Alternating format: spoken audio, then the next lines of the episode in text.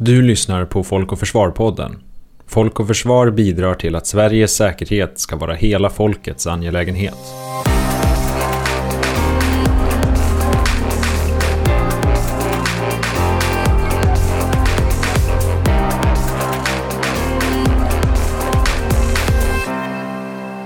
En eh, förutsättning för att totalförsvaret ska fungera är en ändamålsenlig samverkan mellan civila och militära aktörer.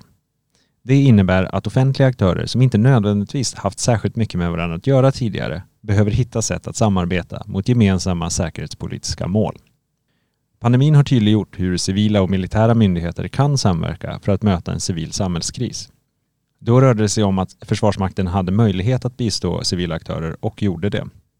Det är inte heller första gången som Försvarsmakten bistår i civil kris. Skogsbränderna 2014 och 2018 är exempel på det. Vid höjd beredskap eller i krig är kraven på sådan samverkan striktare och situationen omvänd. Då ska civila aktörer stödja Försvarsmakten. Det uppdraget är inte nytt. Även under kalla kriget fanns ett totalförsvar. Men den strategiska timeouten innebar att civila myndigheter inte längre förväntades ha beredskap för att bistå Försvarsmakten på samma sätt som tidigare. Det är först i och med återupprättandet av totalförsvaret som detta återkommit. Den gemensamma handlingsplan, Handlingskraft, som Försvarsmakten och Myndigheten för samhällsskydd och beredskap offentliggjorde tidigare år är ett exempel på hur man på det nationella planet arbetar med att knyta det civila försvaret närmare det militära och tvärtom. Men vad innehåller handlingsplanen och hur ser MSB och Försvarsmakten på civil-militär samverkan generellt? Folk och Försvar-podden har träffat Annika Elmgart, tillförordnad chef på avdelningen för krisberedskap och civilt försvar på MSB och Jan de Marquez, överste och ställföreträdande chef på ledningsstabens totalförsvarsavdelning på Försvarsmakten, för att få svar på dessa frågor. På Statens veterinärmedicinska anstalt arbetar man redan idag tillsammans med Försvarsmakten på CBRN-området, det vill säga med hot som kan klassificeras som kemiska, biologiska, radiologiska eller nukleära.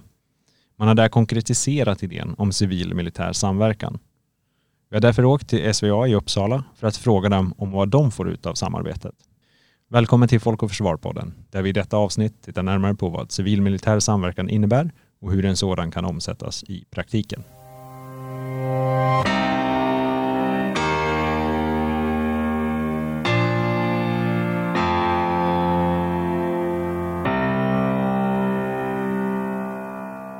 Vår första intervju är med Jan de Marquez, överste och ställföreträdande chef på ledningsstabens totalförsvarsavdelning på Försvarsmakten och Annika Elmgart, tillförordnad chef på avdelningen för krisberedskap och civilt försvar på MSB.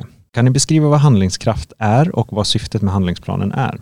Det här var ju ett regeringsuppdrag som båda myndigheterna fick och eh, ytterst handlar det om att nu eh, tillsammans hela eh, totalförsvar-Sverige eh, eh, åstadkomma det som eh, regeringen har beställt i de här frågorna. Det är alltså en gemensam plan för att förverkliga eh, de mål som regeringen har satt upp. Och det är ju en plan för den här försvarsbeslutsperioden. Vad är det som vi tycker är viktigast och vad är det som behöver komma på plats för att vi verkligen ska få ett sammanhängande totalförsvar. Så det är ju det den fokuserar på. Det sker ju mycket inom det civila försvaret och mycket inom det militära försvaret. Men det här är ju det vi måste göra gemensamt. Hur kan handlingskraft omsättas i praktiken? Jag tänker att den innefattar ju väldigt många olika konkreta delar eh, som vi ska ta till oss för att eh, gå framåt.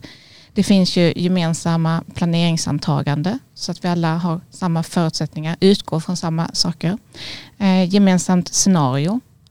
Vi pekar också tydligt på fokusområden, sex olika områden där vi ser att det är extra viktigt om vi vill få effekt i totalförsvaret att vi kommer vidare i de här områdena. Den här planen Handlingskraften vänder ju sig till alla myndigheter och organisationer i Sverige. Och det innebär att nu för första gången så finns det en manual egentligen att följa och eh, sätta det här i verket och eh, göra verkstad utav det.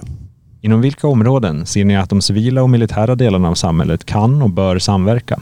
Ja, inom väldigt många områden bör vi samverka. Det är väl kanske svårare att säga var vi inte bör samverka. Eh, naturligtvis är det grundläggande att vi bör samverka inom totalförsvarsutvecklingen och de delarna vi lyfter in där. Men jag vill också påpeka att vi måste samarbeta inom krisberedskapen. Eh, och det här handlar ju om effektivitet, att våra samlade resurser som finns i Sverige ska användas på bästa möjliga sätt. Sen kan man naturligtvis lyfta specifika områden som till exempel försörjningsberedskap, eh, säkra kommunikationer med mera. Eh, ja, i grunden så har ju alla eh, i sin instruktion att göra samverkan just för att eh, uppnå någonting mera och än, en där varje myndighet själv skulle vara ensamma. Och i de här sammanhangen så skulle jag vilja också understryka vikten att vi får mer näringslivet och även sådana organisationer som de frivilliga försvarsorganisationerna. Finns det områden inom vilka civilmilitär samverkan inte är lämpligt? Jag skulle säga att det beror lite grann på eh, vad som ska åstadkommas. Eh, det är ganska svårt att eh, peka ut någonting, för mig i alla fall, så här direkt. Det här kan vi inte samverka om. Utan eh, det är helt enkelt relationen, vad, vad man har tillsammans inom olika, mellan olika myndigheter i det här fallet. Mm, jag tänker också att det kan finnas, eh, det ska inte vara samverkan som innebär onödiga risker i förhållande till den försvarseffekten som vi vill komma åt. Och då tänker jag på att det kan finnas eh, folkrättsliga skäl att inte alltid samverka. Eh, och på samma sätt så kan det också vara olämpligt att placera viktiga civila resurser eh, i eller nära ehm, ett militärt mål. Vad kan det civila försvaret lära av det militära försvaret? Vi kan säkert lära oss väldigt mycket eftersom det civila försvaret har ju vilat ett bra tag. Eh, men om man ska säga någonting mer konkret eh, så tänker jag där, där vi befinner oss just idag att eh, Försvarsmakten har ju på grund av det säkerhetspolitiska läget löpande testat sin förmåga via till exempel då beredskapskontroller och oannonserade övningar. Jag tror att det är sådana saker som vi också bör närma oss inom det civila försvaret. Sen tänker jag också att man inom det militära försvaret länge har arbetat internationellt, eh, kommit längre där än vad vi har gjort. Eh, tänker på Finland eh, där man ju på militära sidan är väldigt konkreta. Vi har också ett militärt, samarbete, vi har inte militärt samarbete men vi har ett samarbete med Finland på den civila sidan. Men jag tror det är viktigt att vi blir ännu mer konkreta där. Och tvärtom, vad kan det militära försvaret lära av det civila försvaret? Man kan lära sig väldigt mycket från de olika myndigheterna. Jag tror att generellt sett i Försvarsmakten så eh, kan det på sina håll finnas en ganska låg eller för grund uppfattning och kunskap om de olika myndigheterna. Eh, nu ska vi ta oss an här stora delar av eh, det civila försvaret och vi pratar ett 50, kanske ett 60-tal bevakningsansvariga myndigheter och jag kommer precis från en övning där vi har haft lite grann samverkan med ett 15-tal olika myndigheter och det är nog så att de i alla fall Eh, peka på att eh, den grundläggande kunskapen hos en del militärer, den, är, den, kan vara för låg helt enkelt. Insikten om, om, eh, man måste lära sig helt enkelt mer om respektive myndighet, vad de har för, för, för möjligheter. Hur kan man utveckla civil militär samverkan inför framtiden? För att vi ska kunna utveckla den civil-militära samverkan framöver så är jag lite grann inne på det som, som Jan pratade om, om nyss att jag tror att vi måste skapa ett förtroende för varandra. Eh, att det är viktigt att vi får bättre kunskap om varandras verksamhet. Eh, om våra ansvar, ansvarsområden som olika aktörer har, vilka roller vi har. Vi måste ha en perspektivförståelse eh, och en helhetssyn. Om man ser till exempel på MSB och Försvarsmakten så vad det gäller totalförsvaret så har vi ju gemensamma mål som vi arbetar mot. Men sen har vi just specifika mål för det civila försvaret och specifika för det militära försvaret. Och det gäller att, att förstå den, den helheten. Och därför så tror jag att det är väldigt viktigt att vi löpande eh, har en samverkan och samarbete med varandra. Här tror jag det är viktigt att vi får med näringslivet nu i framtiden och att vi skapar strukturer, eh, rum där, där näringslivet är med och eh, allt ifrån högsta nivån och mera längre ner regionalt.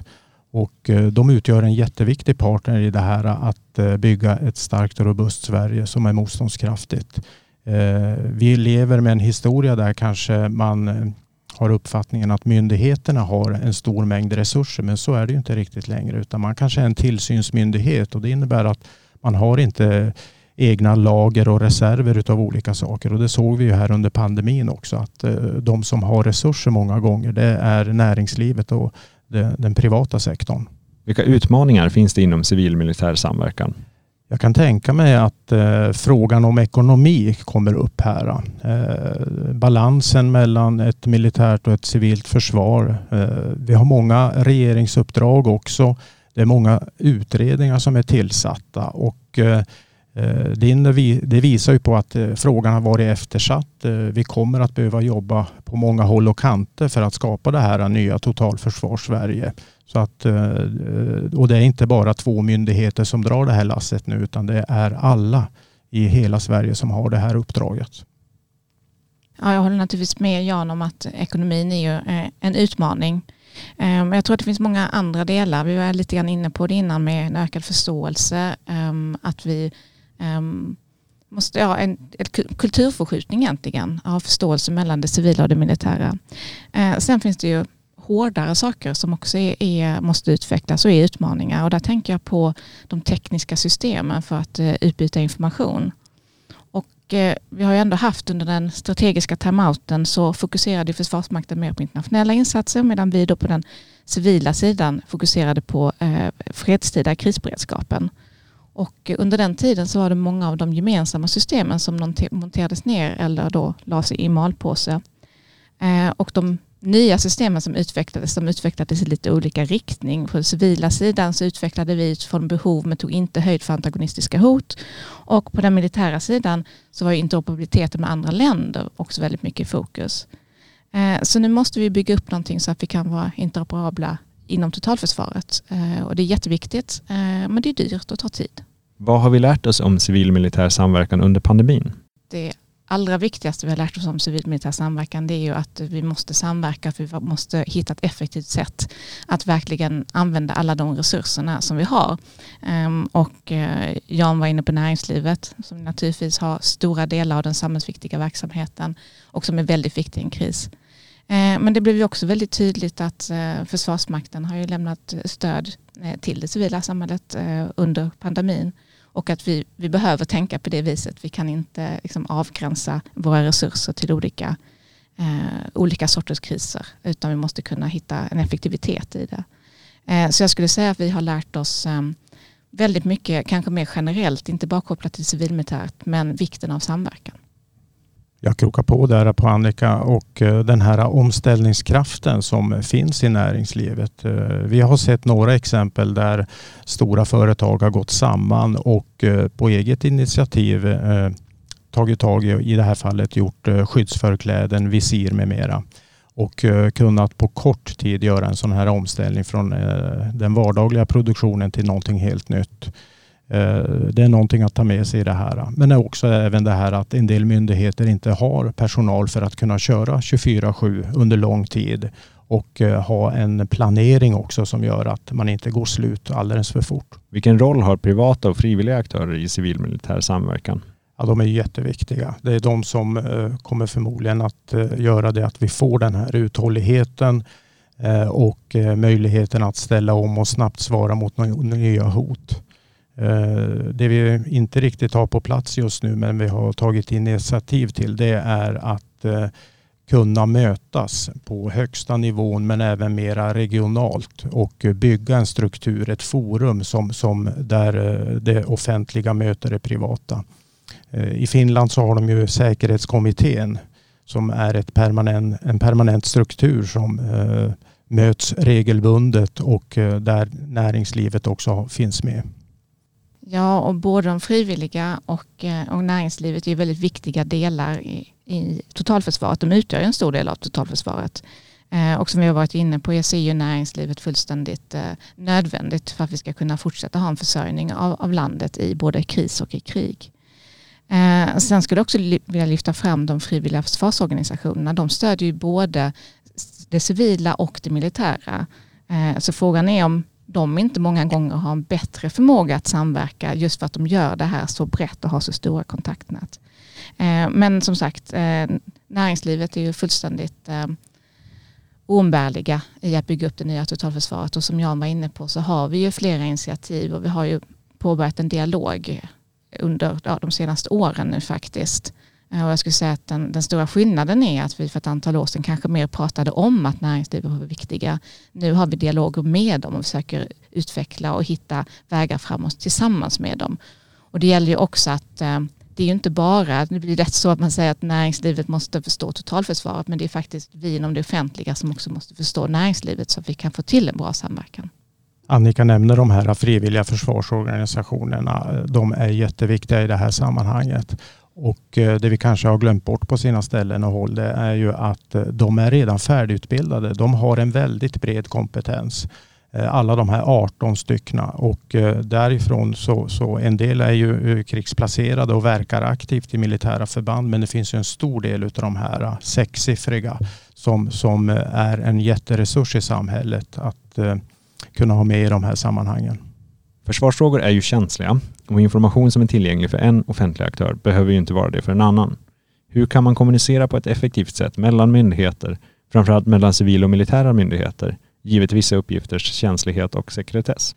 Jag tänker att i den förra försvarsbeslutsperioden 2015 till 20 då, var det ju en, då hade vi alla en, en särskild uppgift att titta på organisation, krigsplacering och även då möjligheten att stärka säkerhetsskyddet och bland annat det här hur kan vi dela eh, sekretessinformation mellan myndigheterna.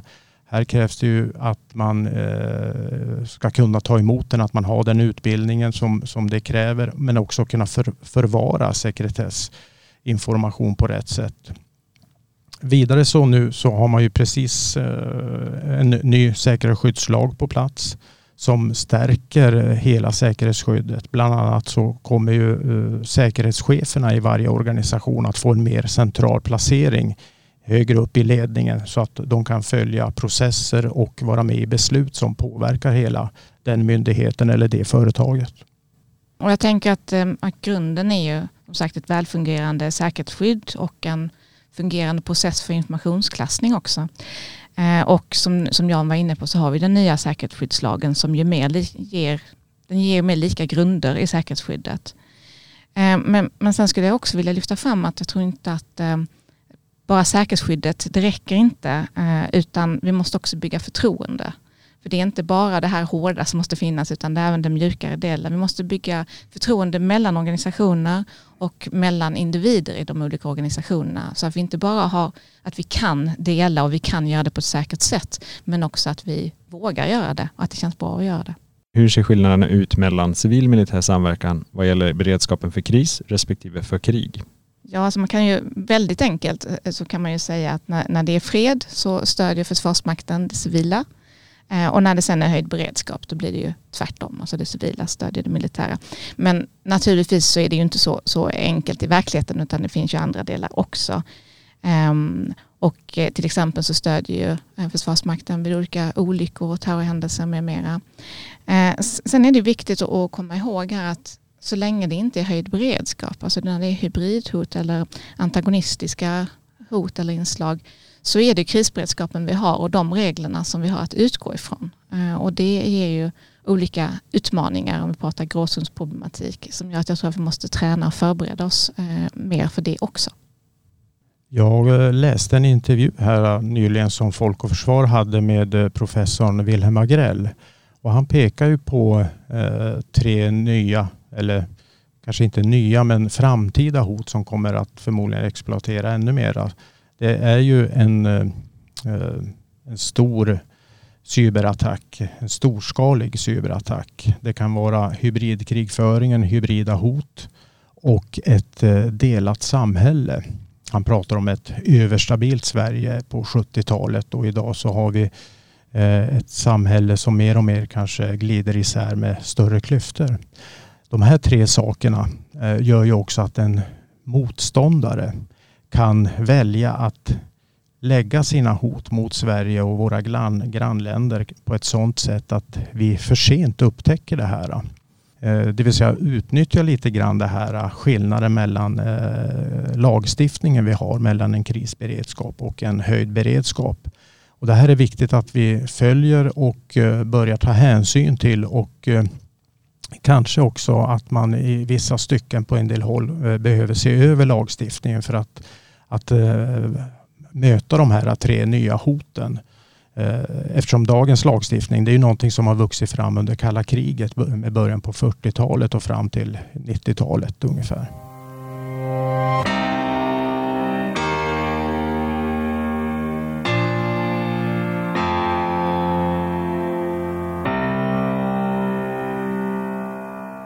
På Statens veterinärmedicinska anstalt, SVA, i Uppsala har vi träffat Öjar Melefors och Ola Norman som berättar om hur man samverkat på CBRN-området. Berätta om den samverkan som pågår mellan SVA och Försvarsmakten. Ja, som beredskapsmyndighet har SVA ett mycket tydligt uppdrag från regeringen att jobba ihop med Försvarsmakten för att bygga upp det svenska totalförsvaret. För att göra verklighet av det här så fyllde vi en begäran om stöd från Försvarsmakten för att kunna anställa en person vid SVA från Försvarsmakten. Så sedan drygt ett år så har Ola jobbat på sektionen för civilt försvar och krisberedskapsanalys på SVA. Mitt jobb här var ju att jag skulle uppträda uniform för att eh, visa då SVA att jag tillhörde Försvarsmakten. Och det skulle vara väldigt tydlig signal att vi gjorde den här samverkan. Och mitt jobb, eh, anledningen anledningen att jag är här det är för att jag har ju då jobbat väldigt mycket eh, civilt med CBRN. Samt att jag tillhör Hemvärnets 296 CBRN Pluton. Så att jag har ju väldigt gedigen kunskap om det här som smittskyddet som SVO, SVA och CFK håller på med. Ja, CBRN det, det står ju för kemiska, biologiska, radionukleära ämnen, skydd mot sådana. Men det har även skett andra spännande saker i vårt samarbete med Försvarsmakten under den senaste tiden. Vi har bland annat arrangerat en mycket uppskattad utbildning om insekter och vi har gjort mycket coronadiagnostik åt Försvarsmakten och vi har haft övningar ihop med. Jag ska berätta lite mer om det senare i intervjun.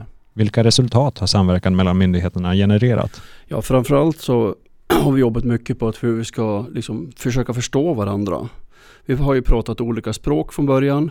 Det har varit olika kulturer. Och eh, det är det som har varit jobbiga, liksom, att hur ska vi få det här att fungera? Men efter lite jobbande tillsammans med myndigheter så har vi hamnat på ett, på ett språkbruk så att nu förstår vi varandra. Man måste börja jobba praktiskt för att man ska få igång samverkan på riktigt skulle jag vilja säga. Vi har ju som sagt gått, eh, gått omkring i uniform här på SVA och det har ju varit väldigt tydligt vem, var jag kommer ifrån och, vi har ju, och Försvarsmakten har blivit väldigt bra bemött av SVAs personal. Och det har gjort väldigt lätt för mig att jobba med i uniformen här. Och att ledningen från SVA är ju då väldigt tydliga och engagerade i den här frågan. Så att de, vi har ju fått, Försvarsmakten har fått jättemycket stöd att vi ska göra det här tillsammans, tillsammans med SVA. Men vi har ju velat jobba ihop med praktiska uppdrag. Så att eh, för att eh, som en beredskapsmyndighet så vill ju SVA stärka den mobila förmågan att vi snabbt kan åka ut på olika uppdrag i hela landet och kunna göra analyser på plats. Det vill säga skapa mer flexibilitet. Och det här är något som militären har en stor erfarenhet av. Som ett exempel så strandade det en knölval på Öland i somras. Och då kontaktade då Kustbevakningen, polisen och eh, Kalmar kommun, SVA. Kan ni komma ner och hjälpa till? Och jag har ju då som tur var jobbat väldigt mycket offshore så jag jobbar väldigt mycket med dykning och, eh, och använda av undervattensdrönare. Dessutom hade ju då SVA under den här tiden byggt upp en kapacitet för drönare. Och här får vi ju väldigt fina bilder och i samarbete så vart ju alla nöjda med det här. Alltså både polisen, Försvarsmakten, Kustbevakningen, kommunen och samt SVAs ledning vart ju jättenöjda att vi gjorde det här tillsammans och vi fick det här perfekta materialet vi behövde. Ja, det märkte vi att Kustbevakningen och polisen tyckte det var speciellt att det kom en militär från SVA. Det märkte jag. Men eh, det här samarbetet med Mola har gjort att vi har hittat nya kontaktytor mot Försvarsmakten. Vi har träffat alla möjliga delar, alltifrån Boden i norr till Karlskrona i söder. Och eh, tack vare dina kontakter Ola så har vi fått igång ett samarbete med finska försvarsmakten. Och eh, det här, har, det här kontakten har ju då utmynnat så att vi kommer då tillsammans då med finnarna försöka återvända plastmaterial från laboratorier. Och det har ju varit stor brist på det här plastmaterialet. Så att nu håller vi på ett försök med dem då och försöka få att det ska bli bra. Ja, det är ju speciellt covid-analyser. Det har varit faktiskt en begränsande faktor att det inte funnits material att köra analyser. Därför har vi inte kommit igång riktigt i Sverige. Eh, men eh, det här samarbetet med Finland är också ett mycket tydligt uppdrag från regeringen. Att både civila och militära myndigheter ska jobba ihop med Finland och de övriga nordiska länderna. Och det märker jag att det vill ju finnarna också. Jag såg att deras president Sauli Niinistö höll bara förra veckan ett tal på Svenska krigsvetenskapsakademin om hur viktigt det är att stärka, stärka banden med Sverige för att få stabilitet i Norden. Men det gäller ju också att både ta emot och ge stöd till Försvarsmakten. Det finns ju delar av Försvarsmakten som håller på med skydd mot biologiska ämnen. En del av det är ju då CBRN-plutonen som finns både i armén och hemvärnet och vars uppgift är att skydda mot farliga ämnen. Och där är jag faktiskt verksam. Jag tillhör då 296 CBRN-pluton. Och som expertmyndighet kan SVA ge utbildningar och hjälpa till att utveckla olika metoder tillsammans med Försvarets skyddscentrum i Umeå. Ja, så nämnde jag också förut att SVA arrangerat en annan mycket uppskattad utbildning om farliga insekter och det har varit då för utlandsstationerade förband i Försvarsmakten via Försvarsmedicincentrum i Göteborg. Man har tittat på olika smittor som sprids via insekter för att vi har många experter på det på SVA och det gäller ju de till exempel som har åkt på uppdrag i Mali och i Afghanistan. Fått mycket bra återkoppling på den kursen. Vad får myndigheterna ut av samverkan generellt? Generellt för svenska myndigheter så är det väl det akuta stödet vid kriser som kommer. Titta bara på skogsbränderna, vilken insats Försvarsmakten har gjort. Men eh, om vi tittar på vårt område med smittskydd då får man ju se nu under pandemin hur Folkhälsomyndigheten och Socialstyrelsen får stöd av Försvarsmakten. Man har kunnat hjälpa till mycket med samordningen i pandemin och gjort de här stora provtagningarna av Corona. Och där har Försvarsmakten verkligen gjort en imponerande insats. Sen finns det också en mer långsiktig del för att de svenska myndigheterna har ju fått stora uppdrag att bygga upp det civila försvaret och stärka krisberedskapen. Och eh, för oss myndigheter i livsmedelssektorn dit vi hör tillsammans med främst Livsmedelsverket, Jordbruksverket och alla länsstyrelserna så ska vi bygga upp den svenska livsmedelsberedskapen som vi en gång hade i Sverige. Och här tror jag att vi kan göra mycket med Försvarsmakten och även de frivilliga försvarsorganisationerna. För att eh, livsmedelsförsörjning det är en tydlig sårbarhet. Skulle det bli en konflikt där Sverige är inblandad så kommer det snabbt att märkas på tillgången på livsmedel. Och det är något som vi tittar på hur vi ska bygga upp livsmedelsberedskapen. Det kanske inte kommer att bli samma sak som det var förut när det fanns stora lager runt om i Sverige. Men det är något vi jobbar intensivt med. Finns det några utmaningar i samverkan mellan det civila och det militära försvaret? Ja, det kommer alltid finnas utmaningar men som sagt vi måste ju börja jobba tillsammans.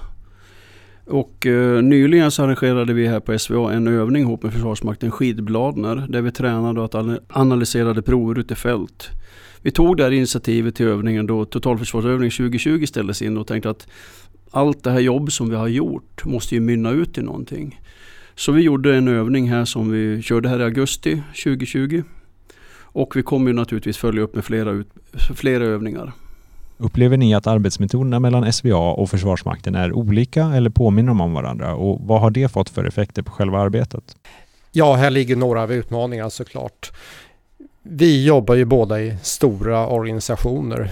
Det tar lång tid att komma fram till vissa beslut och det kan vara svårt att hitta rätt i organisationerna var förmågan finns. Det är inte alltid den ena delen vet vad den andra gör. Men jag svarar som på de andra frågorna. Om man inte börjar jobba så kommer man aldrig fram till någonting. Man måste börja någonstans. Vi vill ju gärna visa upp den här civil-militära samverkan och vi bestämde att vi gör en liten turné i Norrland. Där vi pratar om vårt uppdrag att tillsammans med andra myndigheter bygga upp den svenska livsmedelsberedskapen. Och där gjorde vi en utställning och vi har fått hjälp av FOI och Lantbruksuniversitetet SLU och tack vare att jag då gick i uniform hela tiden så visade det väldigt tydligt att jag från Försvarsmakten samarbetade med SLU och SVA samt FOI då. Och eh, att vi då tillsammans ska göra någonting bra på det här området. Och vi var bland annat i Öjebyn utanför Piteå samt att vi var uppe i Storuman.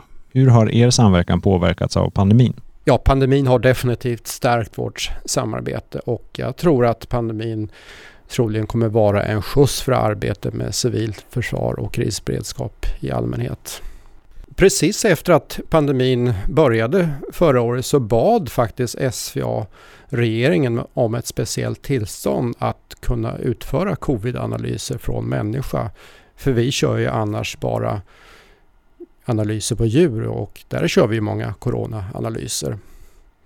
Så att nu har vi kört mer än en kvarts miljon coronaprover. Och ett tag var det så mycket som 7% av Sveriges totala covid-19 analyser som kördes på SVA. Och vi har ju en mycket stor labbkapacitet men det var ändå många på SVA som verkligen frivilligt ställde upp och jobbade övertid för att vi skulle kunna hinna med alla proverna och eh, det tyder på att det finns en vilja att verkligen hjälpa till när det blir kriser i samhället.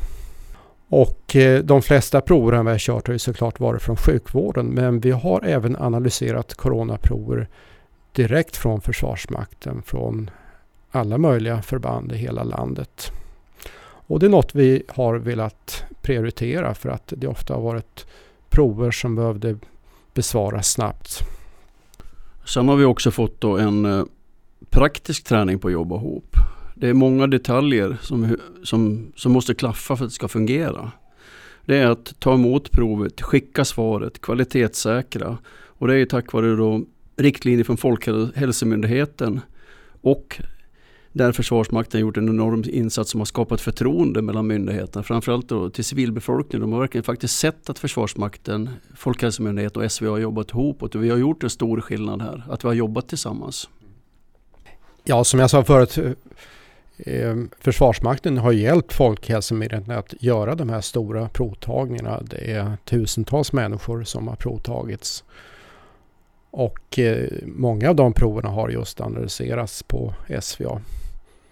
Och eh, som Ola säger, just det här förtroendet som har byggts upp mellan myndigheterna och Försvarsmakten. Det är något vi verkligen ska ta tillvara på i den fortsatta planeringen av totalförsvaret. Utifrån era erfarenheter, finns det sätt som ni ser att möjligheterna till civil och militär samverkan generellt kan stärkas i samhället? Ja, det är viktigt att man in, att inte totalförsvaret inte bara handlar om att förbereda sig för krig. Vi ska alltid vara beredda på det värsta. Va? Men det finns, ju många, det finns ju många andra hot idag också och Försvarsmakten kan definitivt stödja civilsamhället vid olika krissituationer. Det är liksom, så enkelt är det. Ja, det är ju så att civilt försvar och krisberedskap det är egentligen samma sak. Och eh, som sagt, samhället har många sårbarheter och vi måste bli bättre på att jobba ihop för att kunna möta de kriser som kan komma i framtiden. Och en annan sak som jag gärna vill ta upp det är ju klimatarbetet som är en viktig fråga för myndigheterna. Och jag känner ofta att arbetet att bygga ett robustare samhälle som vi håller på med, det skyddar oss både mot nya kriser och det är också ett sätt att ta sig an de utmaningar som finns med klimatförändringar. Det kan till exempel gälla hur man transporterar saker. Det är enormt mycket transportberoende inom livsmedelssektorn. Hur ser ni på framtiden för samverkan mellan SVA och Försvarsmakten? Ja, nu har vi byggt upp ett jättebra förtroende mellan oss och Försvarsmakten så att det här är något vi kommer att satsa på i framtiden. Vi har många påbörjade projekt vi kommer att fortsätta. Bland annat de här utbildningarna som vi vill göra regelbundna. Och vi siktar också på att det ska bli en utökad samverkan inom ramen för arbetet med, med totalförsvaret. Samt att i anslutning till försvarssamarbete med Finland och andra nordiska länderna ge och ta emot stöd. Sen vill jag bara tillägga att vi är ju ändå en djurmyndighet och djuren står oss närmast.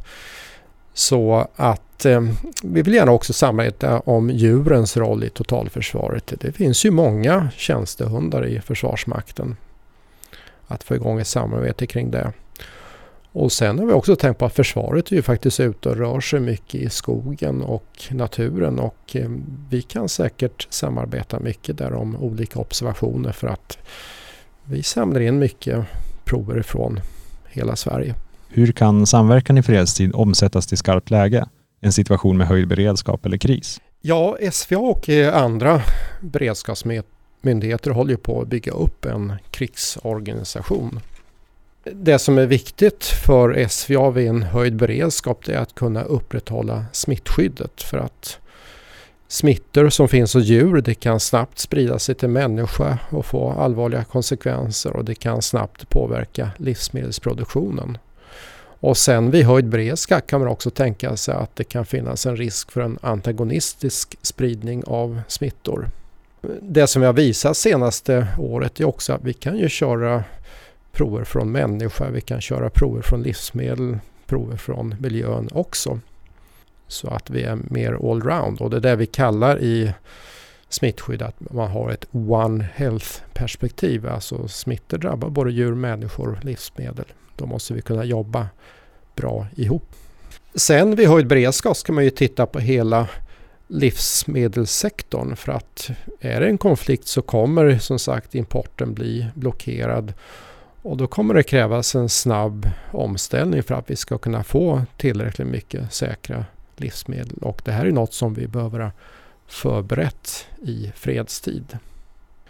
Bara tittar man livsmedel, jag sa det att förut att transport, transporter är enorm sårbarhet.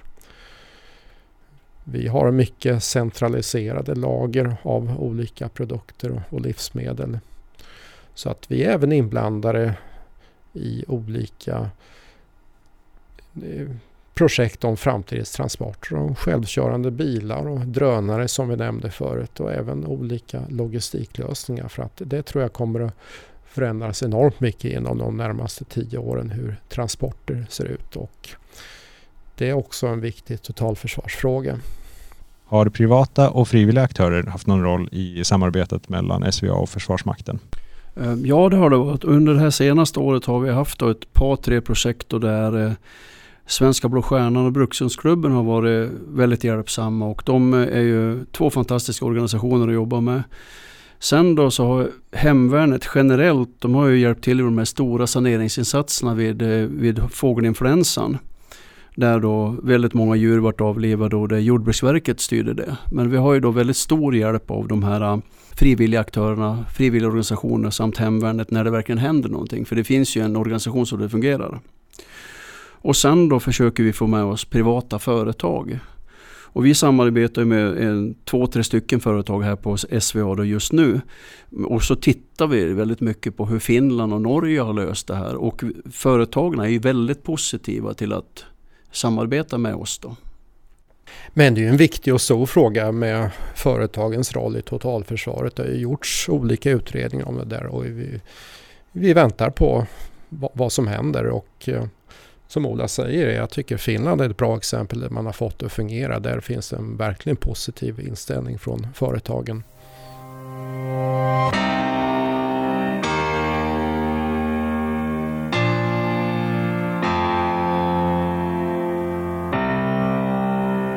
Du har lyssnat på Folk och Försvar-podden. Podden är skapad av Daniel Kjellén. För att ta del av mer av vår verksamhet, besök vår hemsida www.folkochforsvar.se